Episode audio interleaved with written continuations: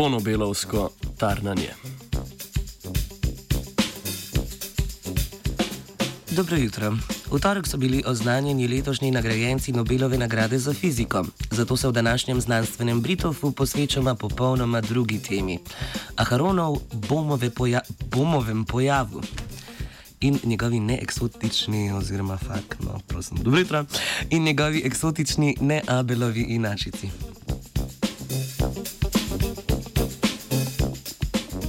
Skupina znanstvenic in znanstvenikov iz Massachusettskega inštituta za tehnologijo je skupaj s kolegi iz Zagrebške univerze oblikovala eksperiment, v katerem so prvič, vsaj kolikor je znano avtorju, opazili interferenčni vzorec kot posledico prisotnosti nenavadnega umeritvenega polja v prostoru. Thank you. Umeritveno polje je bilo v 19. stoletju smatrano kot zgolj teoretsko pomagalo za opis denimo elektromagnetnega polja. Veljalo je za nekaj neresničnega. V 50-ih letih pa sta znani komunist David Bohm in njegov tovariš Jakir Aharonov pokazala, da osnovni delci, naprimer elektroni, to navidezno polje čutijo direktno. Interferenčni vzorec v eksperimentu z dvojno režo se zaradi tega ob prisotnosti magnetnega polja spremeni.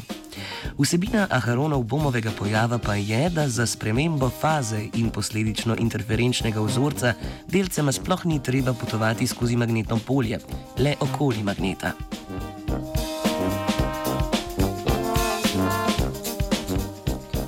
Dodatna faza je povsem klasičen pojav, ki ga lahko razumemo geometrijsko.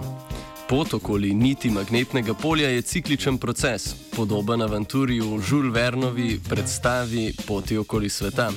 Elektron Filias Fogg v 80 dneh obkroži os svetovne vrtavke in pridobi dodatno fazo, ki ustreza točno enemu dnevu. Nazaj k novemu eksperimentu.